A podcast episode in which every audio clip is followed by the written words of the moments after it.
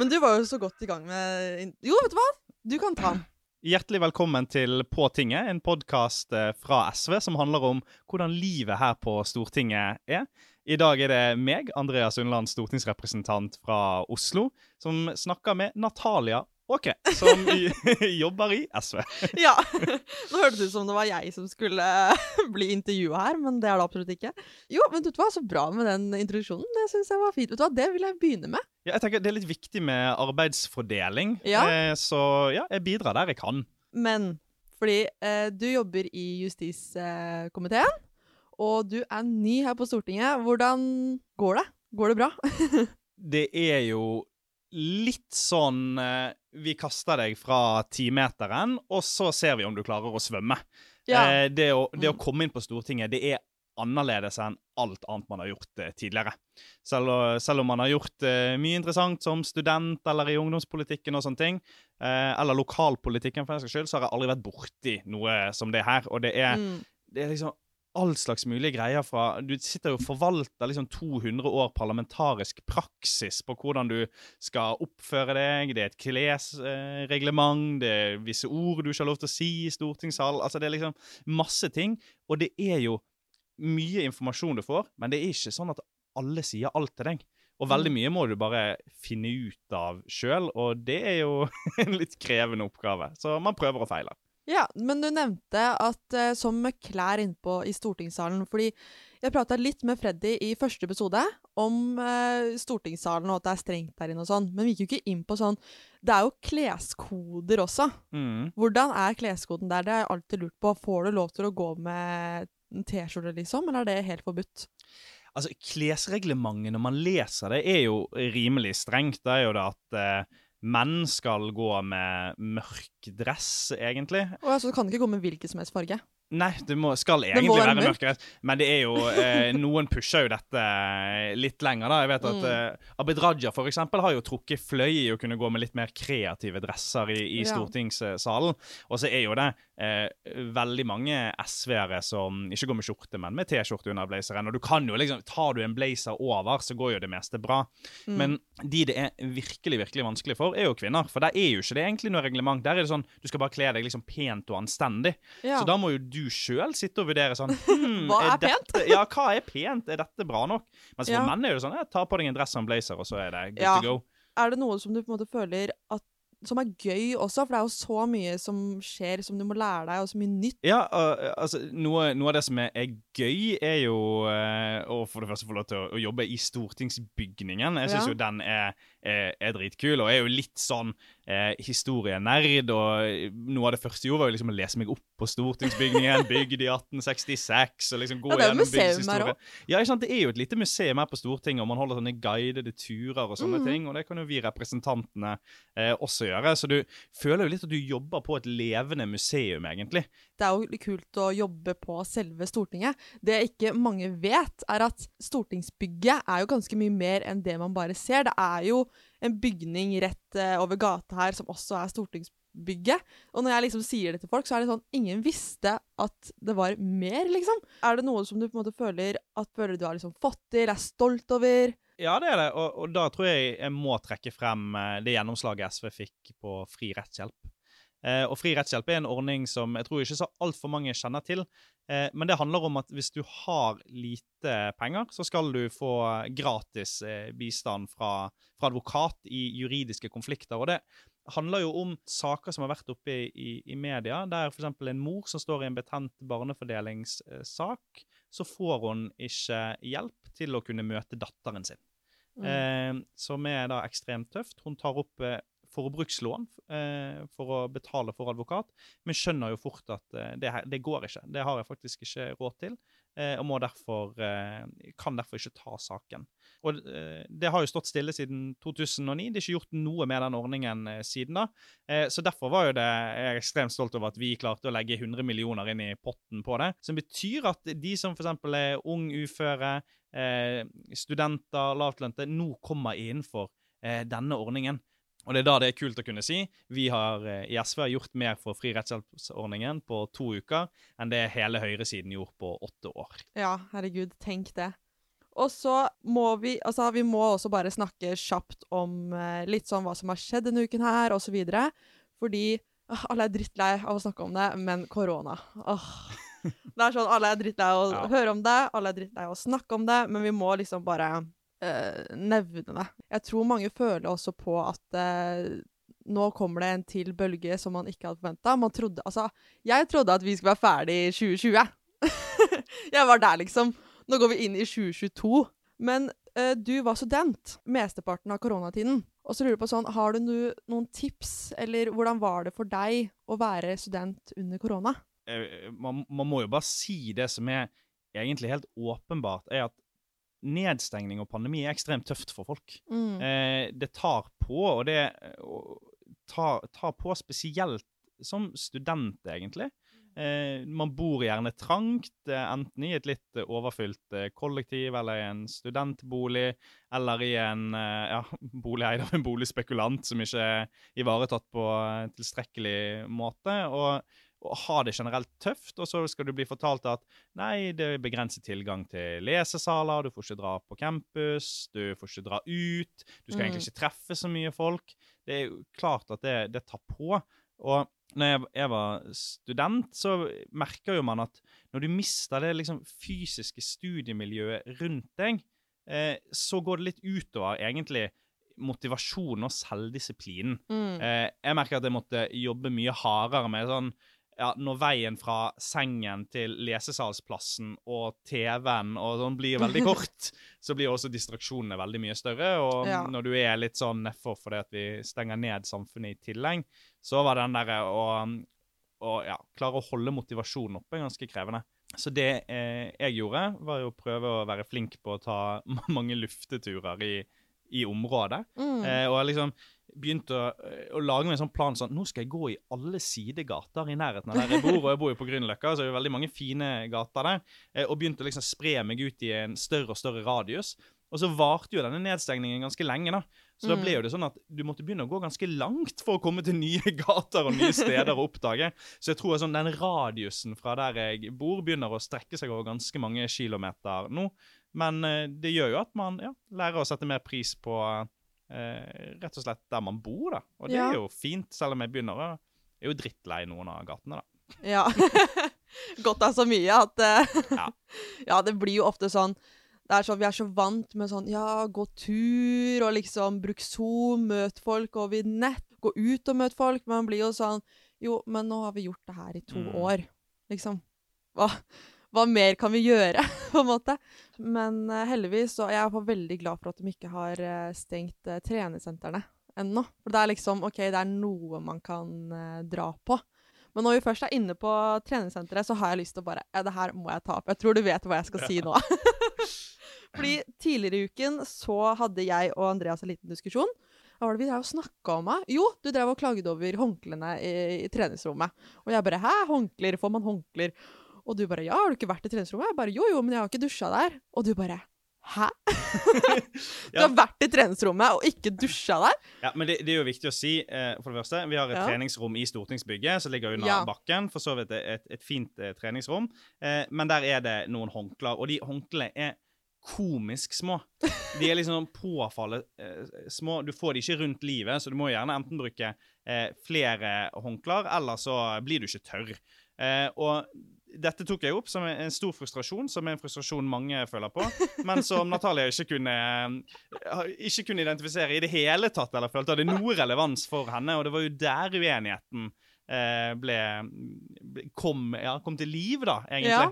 Ja, men jeg føler, altså De håndklærne som er på trening... Altså, jeg føler at det er sånn som man tar med seg når man trener. Jeg tror ikke det er til å dusje med. Er det det? Ja. Jo, men det er utafor er garderoben. Og Ja, for ser du skal ta folk de med deg inn i garderoben. Jo, men jeg ser jo folk tar det jo med seg og liksom bruker det og sitter på når de er inne på treningsrommet. Sånn når man svetter og sånn. Så jeg tror jo- tror altså, Et jeg tror kanskje kan jo ha er- flere funksjoner. Ja, ja, men siden de er så små, da. men nå spora vi jo Ja. helt av. For det, det jeg skulle fram til, da, var at jo, han ble veldig overraska over at jeg ikke har eh, brukt dusjen når jeg har trent der. Og så sa jeg sånn Ja, ja, men jeg skal Det er etter liksom Jeg er helt ferdig på jobb, og er, jeg skal rett hjem, og så videre. Og så sa jeg sånn Ja, ja, når jeg trener også på Fresh, så drar jeg jo rett hjem uten å dusje, for jeg, jo, jeg dusjer jo hjemme, og jeg liksom skal jo bare rett hjem, så det gjør jo ingenting. Og han bare Hæ? Dusjer, altså, dusjer du ikke når du skal dra hjem? Altså, selv om du skal på bussen, altså? Jeg bare Ja, det går fint. Og da tenkte jeg, vet du hva, det her må jeg finne ut av. Om det er bare meg. Fordi jeg var så sikker på min sak. På at Ja, du var ri rimelig sikker? Ja, jeg bare Det er flere meg! Det er ikke meg, liksom. og da eh, la jeg ut på min Instagram. Jeg skal finne det fram her, faktisk. Jo. Fordi jeg la ut på min Instagram sånn Er det innafor slash vanlig å dra fra treningssenteret uten å dusje først mens man skal hjem?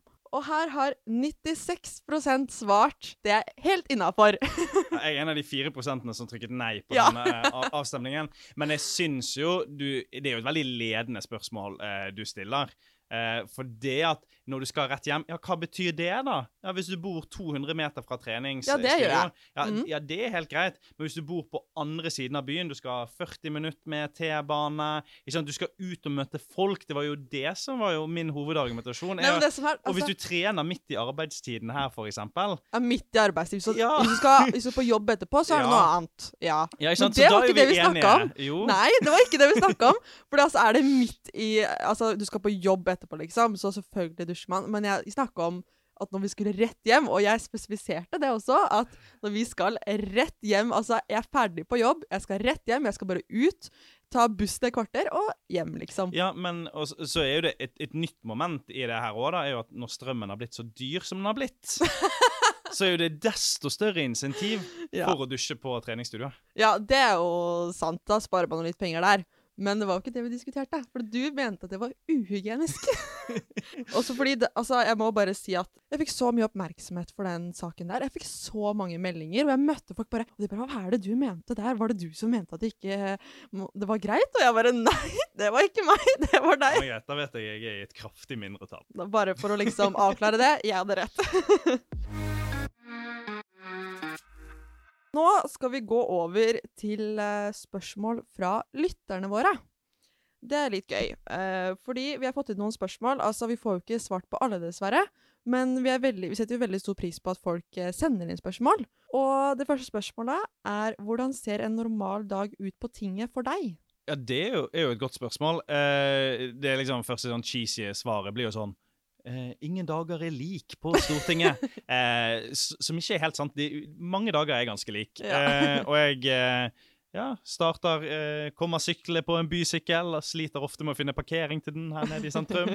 Og så går man til kontoret. Rett utenfor kontoret. Det er kanskje en av de største luksusene vi har. Mm. der, der står det kaffe klar da, til alle som jobber i de ulike fløyene. Eh, Mm. som da, Man kan ta med seg en god kopp kaffe inn på kontoret. Og så pleier vi å starte med sånne mediemøter. Der vi diskuterer liksom, hva er dagens mediebilde. Hvilke saker bør vi jobbe med eh, i dag? Varer typ sånn ja, 15 minutter. Eh, og så er jo det eh, begynner enten da å jobbe med de mediesakene eller andre saker man har. da. Eh, og man kan jo si at mailboksen er alltid full når du kommer på jobb. Ja. Det er mye folk som sender mail. Eh, det er veldig bra. Og det er alltid fra sant, saker du skal behandle på Stortinget, til folk som bare tar kontakt fordi de er opptatt av et eller annet som er viktig for dem. Eh, og det er kanskje noe av det som overrasket meg eh, litt, er jo hvor mye folk faktisk har kontakt med stortingsrepresentanter i Mm. Norge. Eh, og det syns jeg er dritkult. Eh, og så er jo det ofte oppe i stortingssalen. Pleier ofte å starte klokken ti der. Eh, og da er jo det sånn Møtet startes, og med en gang eh, møtet åpnet, så ser du sånn alle går og reiser seg og går ut. Ja. Og så sitter det bare sånn en liten håndfull mennesker igjen, og det er jo fordi vi har den ut eh, Eller at du ikke trenger å være i salen, egentlig, annet enn når møtet settes, og når det skal stemmes. Eh, når debattene pågår, så er det litt sånn ulikt hvor mange mennesker som egentlig er i salen. Ja, sånn som denne uken her, da.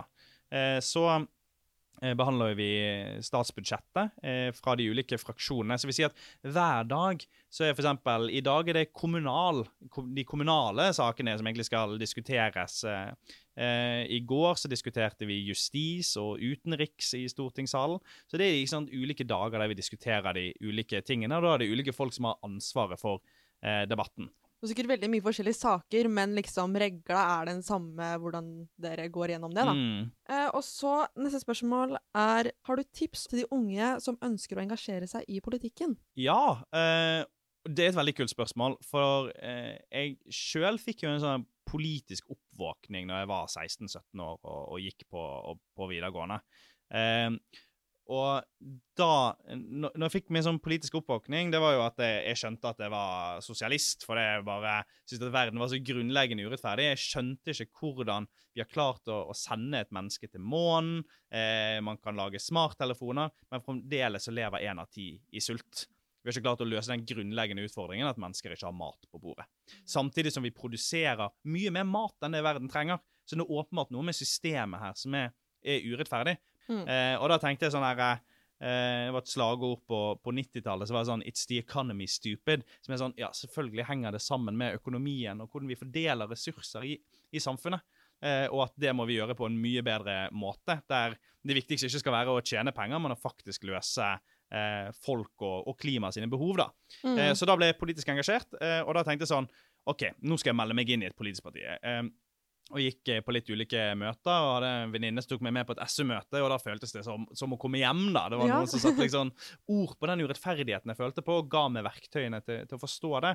Mm. Eh, og når jeg da skjønte nå skal jeg engasjere meg, nå skal jeg bruke tiden min på, på å endre det jeg syns er så urettferdig i verden, da tenkte jeg nå må jeg jo også melde meg inn i flest mulig organisasjoner for å maksimere påvirkningen min. Eh, så sånn, ja, jeg meldte meg inn i SU, her skal jeg engasjere meg, men det gikk jo eh, få, få dager egentlig. Det var sånn, ja, greit, da melder jeg meg inn i Natur og Ungdom, for jeg er opptatt av klima. Jeg melder meg inn i Press, som er Redd Barna sin ungdomsorganisasjon. Jeg melder meg inn i Mm. Changemaker, melder meg inn i Spire. Ikke sant? Masse ting man bare skulle melde seg inn i for liksom sånn maksimere påvirkningskraften sin på verden. Så hvis du er ung og har lyst til å engasjere deg, så er mitt tips bli med i én organisasjon, Ja. men også bli med i veldig mange andre. Eh, For det gir en styrke til de organisasjonene å kunne mm. si sånn Vi har 5000 unge medlemmer som er engasjert i det her. Det gir en styrke. Så Mm. selv om du ikke er et aktivt medlem, så har det faktisk noe å si å være passiv medlem. Og så utløser det også en del statsstøtte. Så, så de organisasjonene får enda mer penger til å jobbe for eh, de sakene de brenner for. Og så eh, kan vi ta et siste spørsmål. Eh, hva tenker dere om alle pendlerboligsakene? Det, det er et godt spørsmål, og jeg tror den diskusjonen om politikerprivilegier er en ganske viktig diskusjon å hele tiden ta. For det handler om hvor stor skal avstanden være mellom de som sitter på Stortinget, eh, og de folkene de skal representere. Og så er det er viktig å si at pendlerboliger er jo en ordning man har for at folk, uansett hvor de er i landet, eh, skal kunne sitte på Stortinget.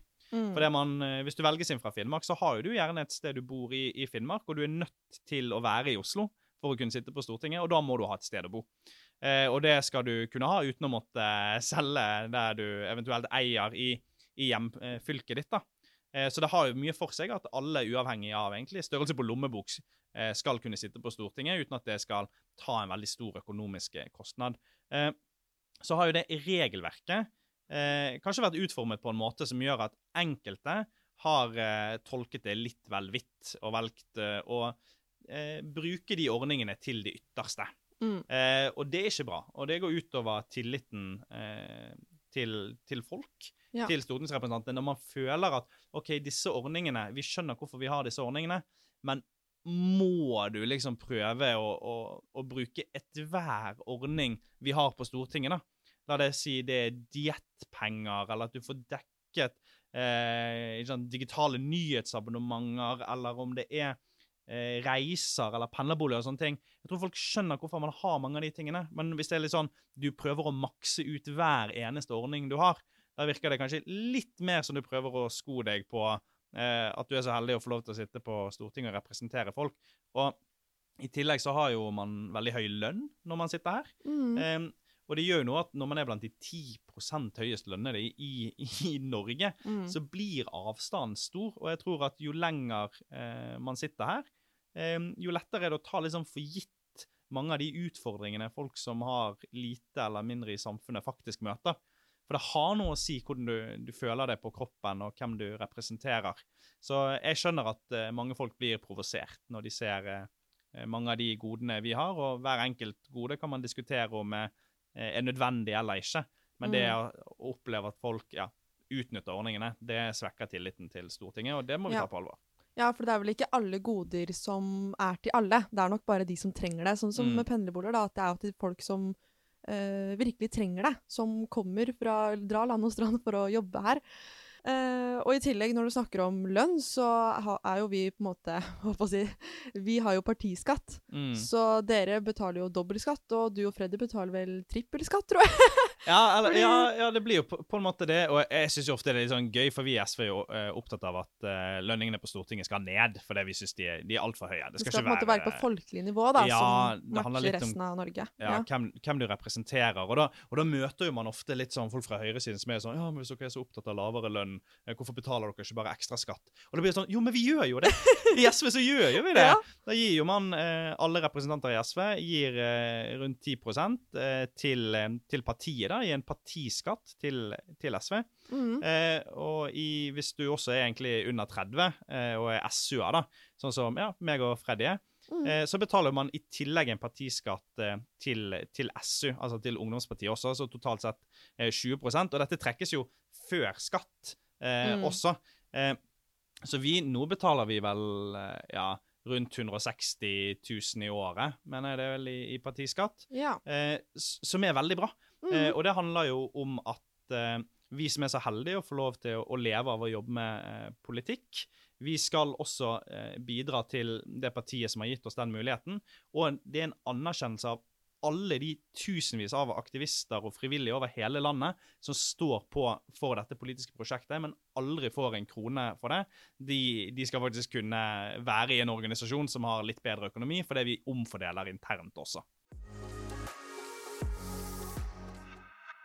Og nå har vi kommet til eh, vår faste spalte, som er ukas rant. Så nå er jeg veldig spent på, Andreas, hva du skal eh, rante om. Ja, det er jo atter nedstengning. Pandemien har spredd seg igjen som eh, mugg i en bolig eid av en boligspekulant. Og det som er ekstra provoserende med det her, er jo at vi visste at det kom til å skje hvis vi ikke får vaksinert verdens befolkning raskt nok. Eh, og det sitter jo noen eh, vaksineselskaper og holder oppskriften for seg sjøl og ikke har hatt lyst til, til å dele den, selv om Land som India og Sør-Afrika i oktober i 2020 ba de om la oss dele denne oppskriften. Det fins flere som kan eh, vaksinere. Vi kan utvikle disse vaksinene. Men nei da, dette vil de rike landene holde for seg sjøl, for det er det man tjener mest penger på.